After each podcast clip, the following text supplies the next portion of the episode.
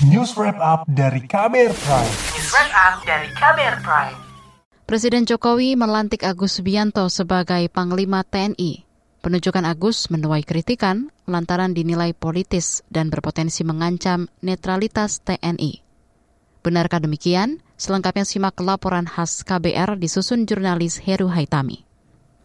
Bahwa saya bahwa saya dalam menjalankan tugas jabatan dalam menjalankan tugas jabatan akan menjunjung tinggi etika jabatan, akan menjunjung tinggi etika jabatan, bekerja dengan sebaik-baiknya, bekerja dengan sebaik-baiknya, dan dengan penuh rasa tanggung jawab. dan dengan penuh rasa tanggung jawab. Itu tadi sebagian bunyi sumpah yang diucapkan Agus Subianto saat dilantik menjadi Panglima TNI oleh Presiden Joko Widodo kemarin. Agus adalah kandidat tunggal calon Panglima TNI yang diserahkan Presiden kepada DPR untuk permintaan persetujuan. Sebelum menjadi Panglima, Agus sempat menjabat sebagai KSAD sejak 25 Oktober 2023. Agus menjadi KSAD tersingkat sepanjang sejarah lantaran menjabat kurang dari satu bulan. Meski begitu, DPR menyetujui pencalonan Agus menjadi calon Panglima TNI menggantikan Yudo Margono yang segera pensiun. Wakil Ketua DPR Bidang Pertahanan dari fraksi Golkar, Ledewich Paulus, berharap bekas Wakasat itu bisa menjaga netralitas saat pemilu 2024. Dengan harapan tentunya TNI yang orang sampaikan dalam menghadapi pemilu 2024 itu dituntut netralitas. Dan karena saya juga mantan prajurit, buat TNI netralitas itu tidak ada masalah. Karena sejak dulu mereka sudah lakukan. Kenapa? Karena memang bidang pekerjaan mereka tidak langsung bersentuhan dengan masyarakat lain, mungkin dengan lembaga-lembaga lain. Untuk mengawasi netralitas aparat TNI, Komisi Bidang Pertahanan DPR membentuk Panja Netralitas. Pembentukan dilakukan melalui rapat internal yang dipimpin Wakil Ketua Komisi Pertahanan DPR dari fraksi PDIP Utut Adianto 8 November 2023. Ketua DPR Puan Maharani yang juga dari PDIP menjelaskan alasan pembentukan panja. Panja netralitas eh, TNI kan sudah dibuat atau dilakukan dan akan dilaksanakan.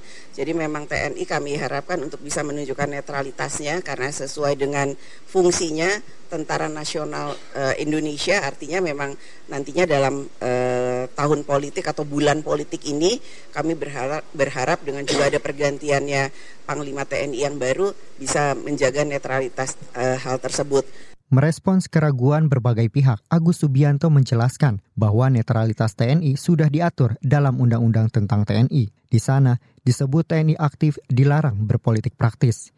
Jika melanggar, sanksinya penjara satu tahun dan denda 12 juta rupiah. Agus juga sudah menyiapkan posko pengaduan pelanggaran netralitas TNI dan membekali prajurit dengan buku saku untuk bersikap netral dalam pemilu 2024. Jadi kita sudah membuat buku saku, buku saku itu buku yang bisa dimasukin ke saku, sehingga bisa dibawa ke mana-mana ini. Ini isinya jelas, apa yang harus dilakukan, apa yang tidak boleh dilakukan, sesuai undang-undang. Dan dia kalau melakukan sesuatu pelanggaran, tadi kan sudah saya sudah saya sampaikan bahwa dia bisa dipidana ataupun teguran dari eh, komandan satuannya. Sejumlah upaya yang dilakukan Agus tak menurunkan keraguan sebagian kalangan masyarakat sipil soal netralitas TNI saat pemilu. Sebab menurut peneliti dari LSM Imparsial Hussein Ahmad, Penunjukan Agus oleh Presiden Joko Widodo syarat politis dan nepotisme. Kan kalau kemudian ada motif politik di belakangnya, jika itu benar maka yang kami takutkan adalah tentara ditarik-tarik kembali ke urusan-urusan sipil gitu ya, terutama menjelang pemilu ini ya itu yang sangat berbahaya. Orang kadang lupa memang TNI tidak lagi berpolitik praktis, tetapi TNI itu punya resource ya, punya orang-orang yang sampai ke level desa gitu ya namanya Babinsa. Jadi dia punya struktur yang sangat lengkap. Tidak ada organisasi lain di Indonesia, sipil maksud saya, yang punya daya cengkramnya dia itu sangat dalam seperti militer. Dia strukturnya sampai ke level-level desa. Dan itu sangat mungkin untuk kemudian digunakan untuk kepentingan politik seperti yang terjadi pada masa Orde Baru. Hussein juga meragukan sistem pengawasan netralitas yang dibentuk internal TNI misal posko pengaduan yang berpotensi melanggengkan impunitas pelanggar netralitas. Untuk apa ada posko netralitas? Karena sesungguhnya pemilu itu ada rezim hukumnya sendiri. Dalam undang-undang pemilu, ketika ada pelanggaran, maka sampaikannya itu pelaporan itu ke Bawaslu, bukan kepada atasannya TNI, bukan kepada pimpinan atau komandan. Kalau itu dilakukan, ada kekhususan itu, maka kami khawatir itu seperti yang terjadi selama ini. Kekhususan itu digunakan untuk justru melindungi anggota. Misalnya apa? Belum lama ini kita ada kasus korupsi Basarnas, ditangkap sama KPK. Kemudian TNI merasa bahwa TNI itu khusus, nggak bisa ditangani oleh KPK, maka ditangani oleh sendiri. Sekarang kita tahu nggak ke mana itu korupsinya? Kasusnya sampai mana? Nggak tahu. Untuk menjawab keraguan publik, kelompok masyarakat sipil mendorong Presiden Joko Widodo menjelaskan kepada publik alasan menunjuk Agus Subianto sebagai Panglima TNI. Demikian laporan khas KBR yang disusun dan dibacakan Heru Haitami.